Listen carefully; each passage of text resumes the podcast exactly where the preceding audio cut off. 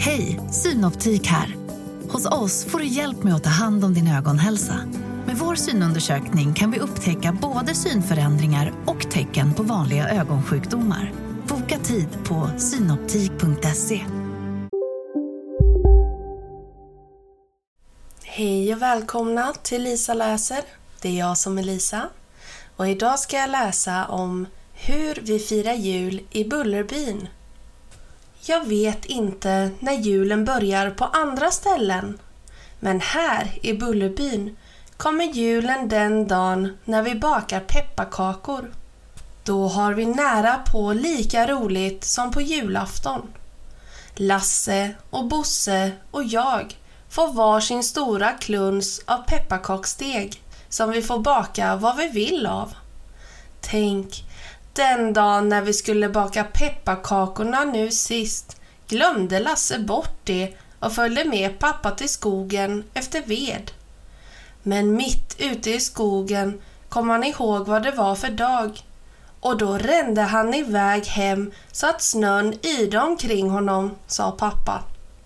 Bosse och jag hade redan satt igång med att baka och det var bara bra att Lasse kom lite senare. För den bästa pepparkaksformen som vi har, den föreställer en gris. Och när Lasse är med och bakar så är det nästan omöjligt för Bosse och mig att få ha grisen. Men nu hade vi passat på att baka tio grisar var redan innan Lasse kom hemflåsande från skogen. Oj vad han fick brått att baka ifatt oss. När vi hade bakat nära på färdigt la vi ihop våra allra sista små degbitar till en stor kluns och gjorde en pristävlingskaka. Det gör vi alltid. Och på eftermiddagen när alla kakorna har kommit ut ur ugnen la vi 322 ärtor i en flaska och sen gick vi runt i hela Bullerbyn och alla fick gissa hur många ärtor som fanns i flaskan. Den som gissade bäst skulle få pristävlingskakan. Lasse bar flaskan och Bosse pristävlingskakan. Och jag hade en anteckningsbok där jag skrev upp vad var och en gissade. Det blev farfar som vann kakan och det var jag väldigt glad för.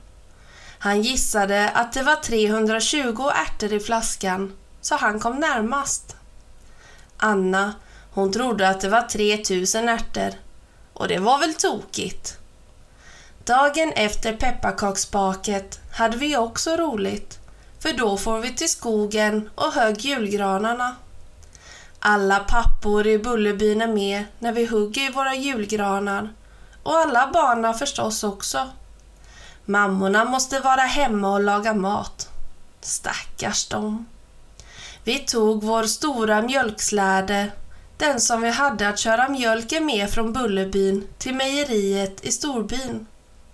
Lasse och Bosse och jag och Britta och Anna och Olle fick åka på mjölksläden.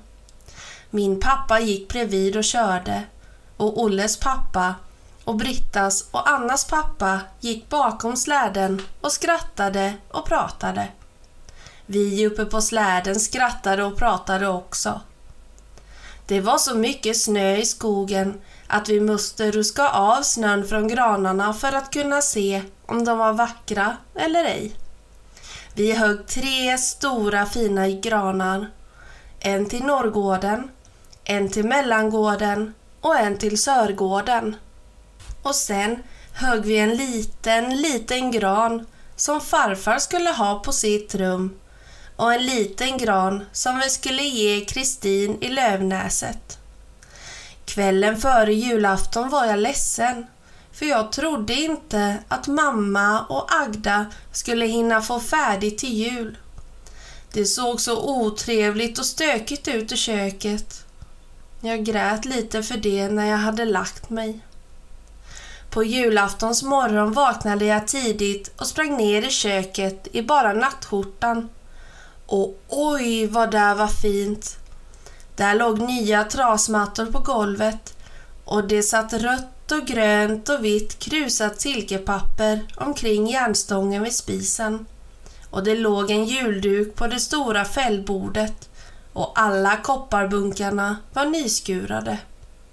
Jag blev så glad att jag måste krama mamma. Lasse och Bosse kom rusande strax efteråt och Lasse sa att det kändes så julaktigt i magen på honom när han såg trasmattorna. På julaftonsförmiddag går vi barn i Bullerbyn alltid till Kristin i Lövnäset med en korg full med godsaker som alla mammorna har lagt ihop till. Fast först går vi till farfar, Brittas och Annas farfar menar jag, och önskar honom en god jul och ser på när Britta och Anna klär hans lilla julgran. Vi hjälper till lite vi också, fast Britta och Anna vill helst göra det själva. Farfar kan inte se vad vi hänger i granen eftersom han nästan är blind. Men vi talar om det för honom och då säger han att han kan se det inuti i huvudet. När vi gick till Kristin i Lövnäset var det vackert väder. Det var precis som det ska vara på julafton. Det går en sån liten väg till Kristins stuga så vi kunde nästan inte se den för all snön. Lasse bar korgen och Bosse och Olle den lilla granen. Britta och Anna och jag fick inte bära någonting. Åh, vad Kristin blev överraskad när vi kom. Ja, hon låtsades nog bara att hon blev det, för hon vet ju att vi kommer varje år. Lasse packade upp allt som fanns i korgen och lade på bordet. Och Kristin bara ruskade på huvudet och sa Ack, ack, ack, det är för mycket, det är för mycket. Jag tyckte inte att det var för mycket, men bra mycket var det. En stor bit skinka och en korv, en julost och kaffe, pepparkakor, ljus, karameller och ja, jag minns inte allt. Vi satte ljusen i Kristins gran och dansade ett litet slag kring granen för att öva oss till kvällen. Kristin var så glad och hon stod i dörren och vinkade åt oss när vi gick. När vi kom hem klädde Lasse och Bosse och jag våran gran. Pappa hjälpte också till. Vi hade röda äpplen undanlagda på vinden som vi skulle ha till julgranen och så tog vi av pepparkakorna som vi hade bakat och korgarna som vi hade gjort hos farfar la vi russin och nötter i och vaddänglarna som mamma hade i sin gran när hon var liten satte vi också upp. Och så förstås en massa flaggor och ljus och karameller. Åh, vad granen var vacker när den var färdig. Sen var det dags att doppa i grytan. Och efter det fanns det inget annat än att göra än att vänta. Lasse sa att de där timmarna på julaftons eftermiddagen när man bara går och väntar och väntar. Det är sånt som folk blir gråhåriga av. Vi väntade och väntade och väntade och ibland gick jag till spegeln för att se om det var sant att man blev gråhårig av det. Men underligt nog var mitt hår lika lingult som förut. Bosse dunkade till klockan då och då för han trodde att den hade stannat. När det blev mörkt var det äntligen tid att gå med våra julklappar till Norrgården och Sörgården. Det kan man inte göra när det är ljust, för då blir det inget spännande. Lasse och Bosse och jag tog på oss våra röda tomteluvor. Och Lasse tog förstås tomteansiktet som han skulle ha när han var jultomte senare på kvällen. Det är Lasse som är tomte hos oss nu för tiden. När jag var liten trodde jag att det fanns en riktig jultomte, men det tror jag inte längre. Sen tog vi med oss våra paket och smög oss ut i mörkret. Det var så mycket stjärnor på himlen och när jag tittade bort mot skogen som låg där så mörk tänkte jag att det kanske i alla fall bodde en riktig tomte där som snart skulle komma dragande med en massa julklappar på en kälke. Jag nästan önskade att det skulle vara så. Det var alldeles svart i Norrgårdens köksfarstu. Vi bankade på dörren och så öppnade vi den och kastade in våra julklappspaket i köket.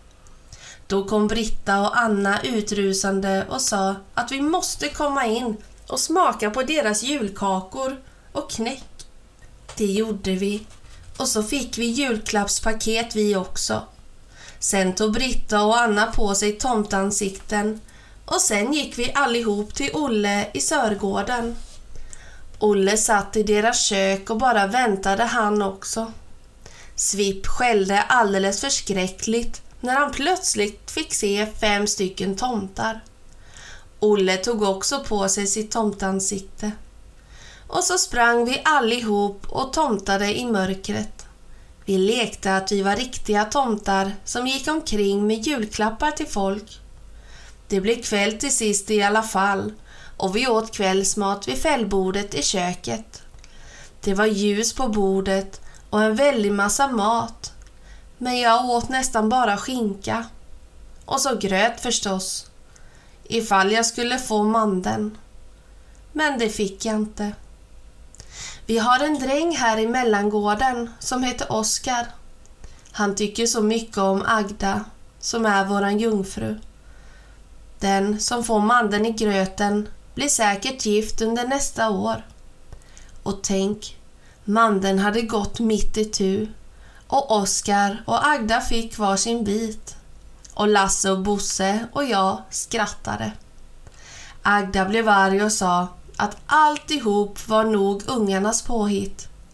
Men vi kan inte hjälpa att mandeln gick mitt i tu. Vi rimmade till gröten också. Lasse rimmade så här. Mandeln den gick i tu, Agda blir nog Oskars fru. Tänk så bra påhittat. Men det tyckte inte Agda. Fast hon blev lite gladare sen när vi allihop hjälpte henne att torka disken. Det gjorde vi för att det skulle gå fortare till julklappsutdelningen. Efteråt satte vi oss i salen. Granen var tänd och det var ljus på bordet där också. Jag frös i skinnet. Det gör jag alltid när det är så där vackert och spännande. Pappa läste om Jesusbarnet i Bibeln och jag läste några rysligt vackra verser som börjar så här. Du lilla vackra Jesusbarn som ligger där på strå. Det står så i de verserna att Jesusbarnet egentligen borde ha en hel massa julklappar och en tårta. Och det är just vad jag tycker också. Men istället är det vi som får julklapparna. Och medan vi andra sjöng När juldagsmorgon glimmar smög Lasse sig ut och om en stund kom han tillbaka klädd till tomte med en stor säck på ryggen. Finns det några snälla barn här? Frågade han. Ja, två stycken, sa Bosse. Men vi har en busunge också som heter Lasse.